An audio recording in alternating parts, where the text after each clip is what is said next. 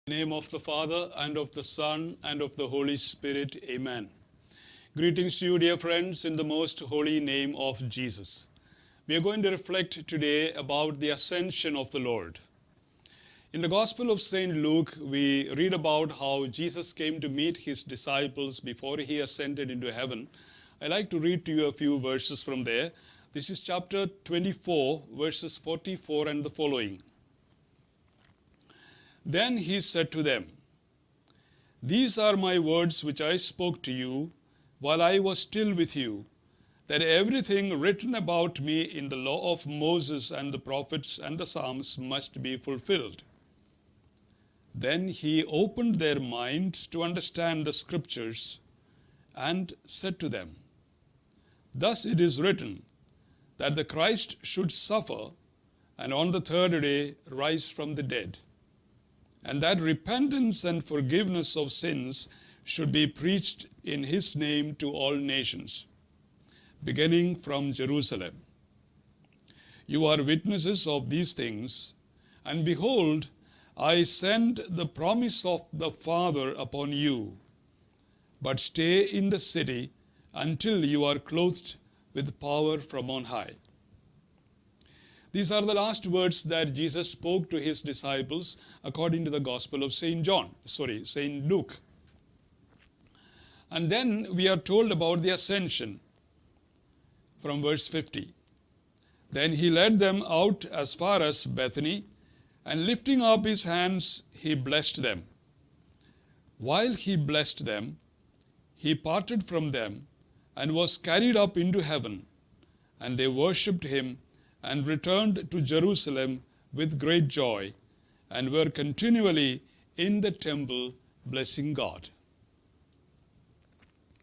St. Luke, who wrote this gospel, has also written the Acts of the Apostles, and it would be good for us to go to the beginning of the Acts of the Apostles to see how he connects this event of the ascension of Jesus. And he adds a few details there.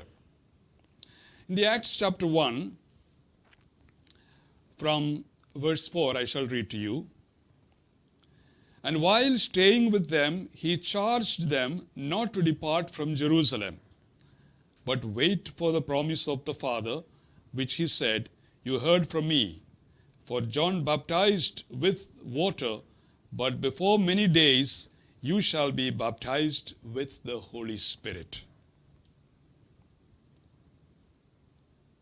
And then Jesus continues to tell them that they shall receive power when the Holy Spirit comes upon them, and that they will be His witnesses in Jerusalem and in all Judea and Samaria and to the ends of the earth.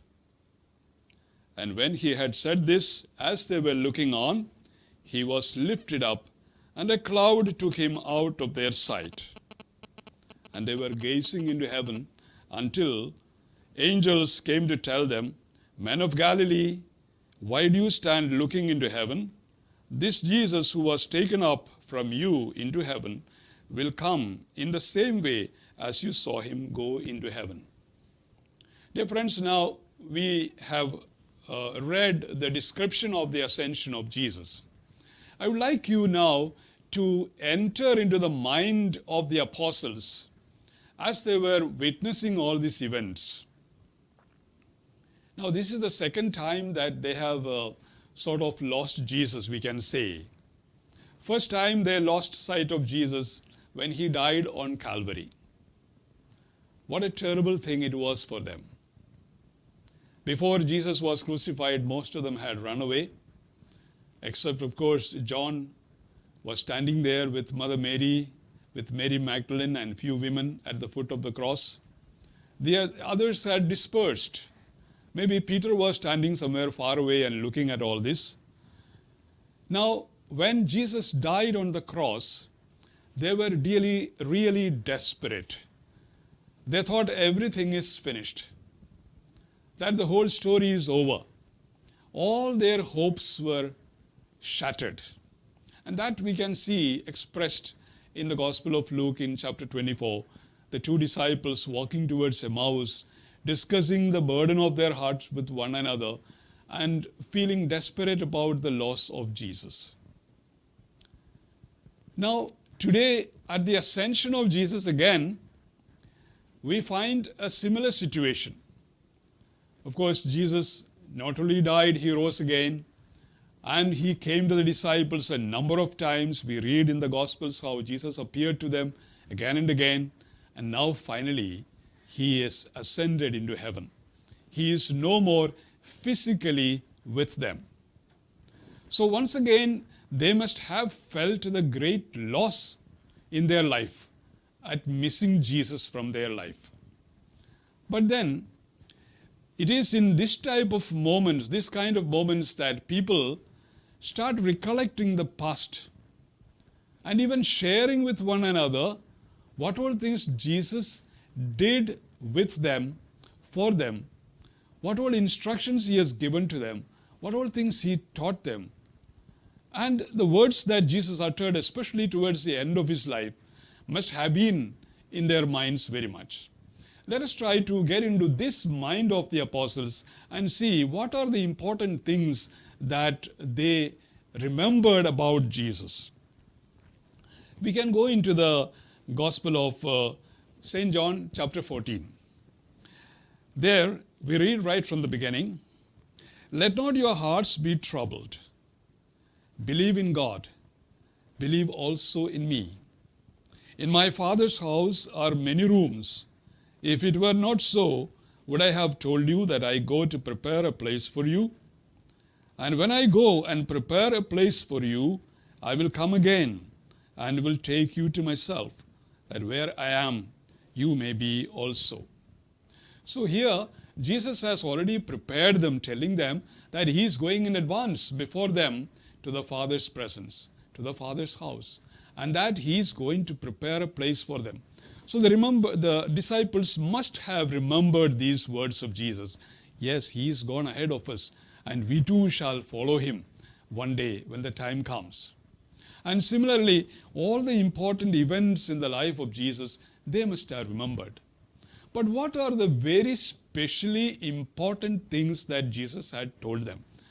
And these are towards the end of his life, we can say. And particularly, they are noted in the end of the Gospels. I would like you to listen to what we read in the Gospel of St. Matthew at the end of the, at the, end of the Gospel of St. Matthew, chapter 28, verses 16 and the following. Now, the eleven disciples went to Galilee to the mountain to which Jesus had directed them. And when they saw him, they worshipped him, but some doubted.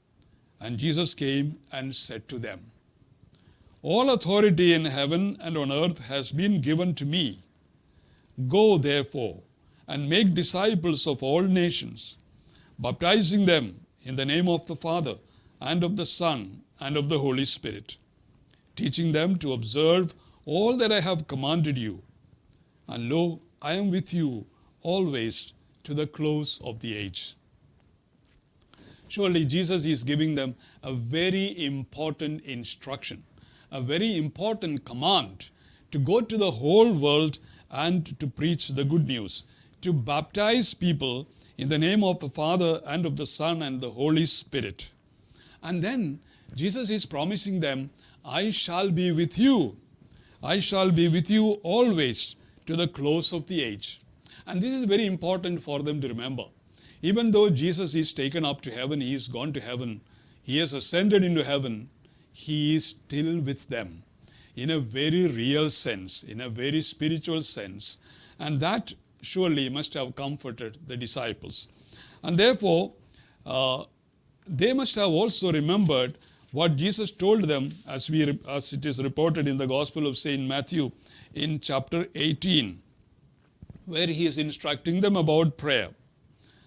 Chapter 18, verses 19 and 20. Again, he said to the, again I say to you, if two of you agree on earth about anything they ask, it will be done for them by my Father in heaven. For where two or three are gathered in my name, there I am in the midst of them. This is something really wonderful to remember, that the disciples have not lost Jesus really, that He is with them when they gather together in His name. This is His promise. Where two or three are gathered in my name, there I am in the midst of them. This companionship of Jesus, this ongoing presence of Jesus in their life, the disciples discovered more and more as they continued their life and entered into that phase of preaching the gospel. Similarly, we can see at the end of the gospel of Mark these instructions of Jesus. And Mark 2 concludes in a beautiful way how Jesus remains with them. I'd like to read to you from Mark chapter 16, verse 15 onwards. Because this command of Jesus to proclaim the gospel, is the greatest instruction command that Jesus has given to his disciples before he ascended into heaven.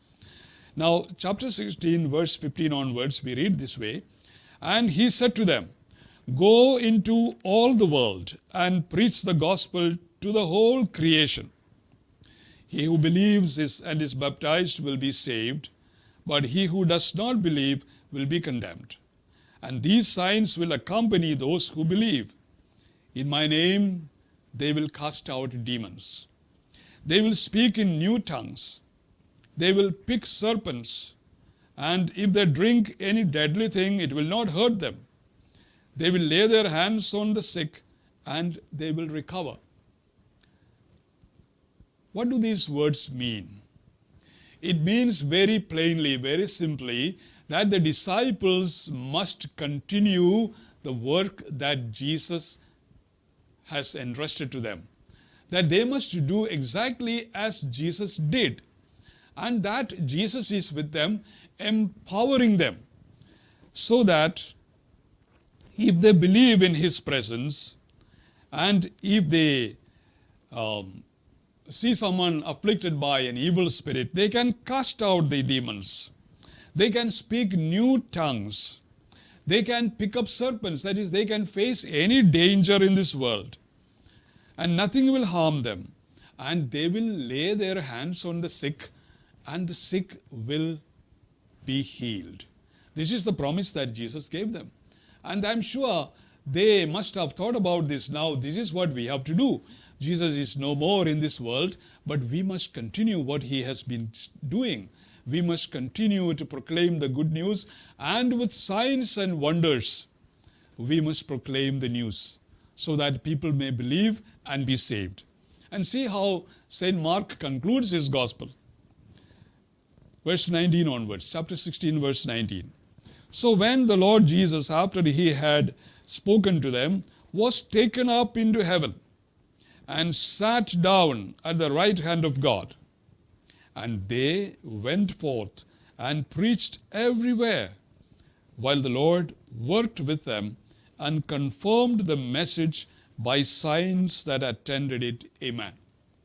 so here again we are told that jesus did not leave them alone jesus was with them he continued to accompany them while they preached the gospel everywhere and he confirmed their message by signs that attended it. Amen. What about the end of Gospel of Luke? We have heard that. In the end of the Gospel of, the, of Luke, we are told that disciples were told about the importance of preaching repentance and forgiveness of sins to all nations, beginning from Jerusalem. But he tells them, Behold, I send the promise of my Father upon you, but stay in the city until you are clothed with power from on high. Here Jesus gives them a very special instruction to stay in Jerusalem, to wait for the coming of the Holy Spirit, to receive the power from on high, which is absolutely necessary for them to preach the gospel. And as we are told in the Acts of the Apostles 2, which we have read, in the Acts of the Apostles we are told Do not, Jesus told them, do not depart from Jerusalem. Wait for the promise of the Father. And you shall be baptized with the Holy Spirit. This being baptized with the Holy Spirit, being filled with the Holy Spirit. Suddenly we remember how Jesus was baptized at Jordan by John.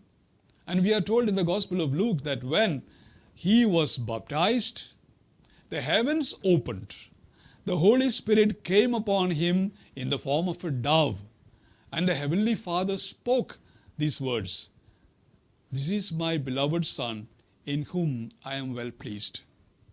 Now this kind of an experience, every disciple of Jesus, every Christian must have, is meant to receive.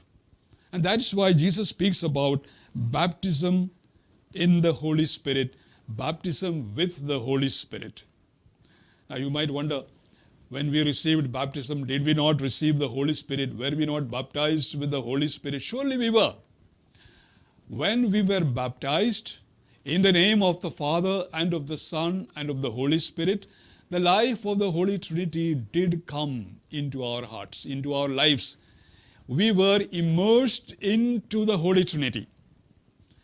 And the Holy Trinity came to dwell in us as in a temple. We are united to God, the Father, the Son, and the Holy Spirit through our baptism. But then we were probably very small children when we were baptized. The grace that is given to us grows within us.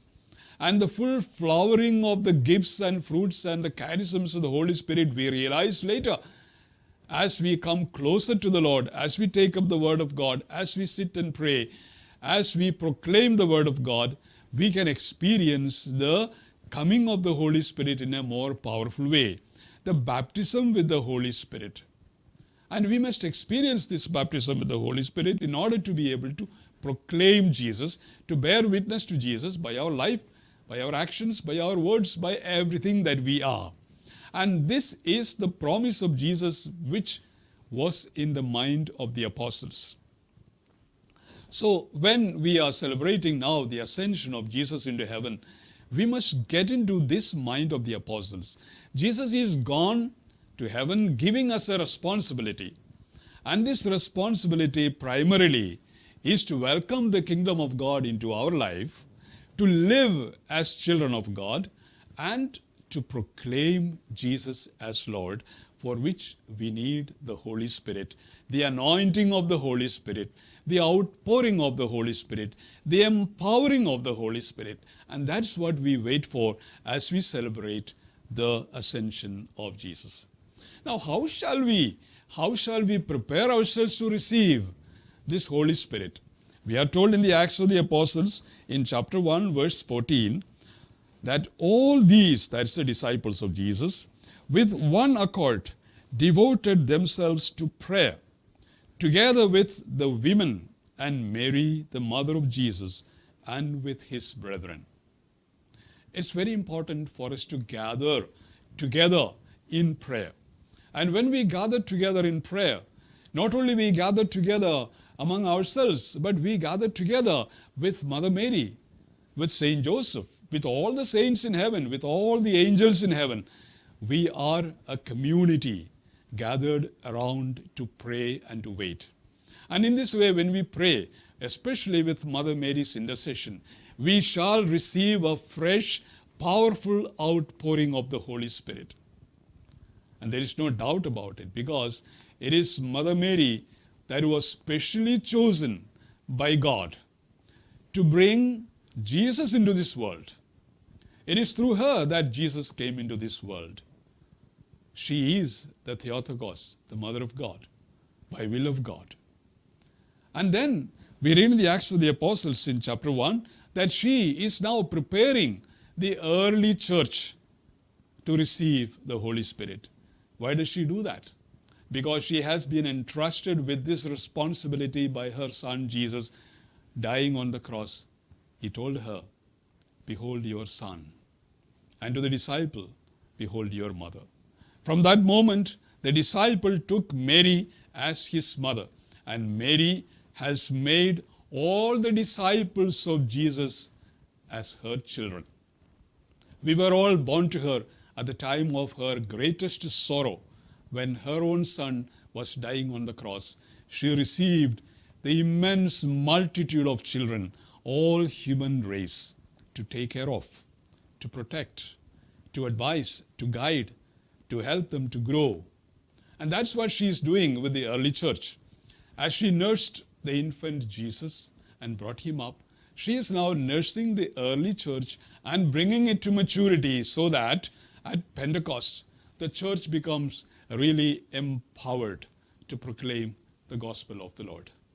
Dear friends, this is what we need to prepare for. The Feast of Pentecost must remind us about all that Jesus taught us And surely, every one of us, we remember particular verses from the Bible. The words that Jesus have spoken, has spoken to us. The words of Jesus that has affected us, that really stays within us. And we must also prepare ourselves to receive the Holy Spirit. Because as we are told by St. Paul in his first letter to Corinthians, chapter 12, verse 30, chapter 12, verse 3, no one can say, Jesus is Lord except through the Holy Spirit. Let us prepare ourselves to welcome the Holy Spirit into our life that we may be vibrant witnesses of Jesus in this world with the gospel in our hearts and on our lips. God bless you. Thank you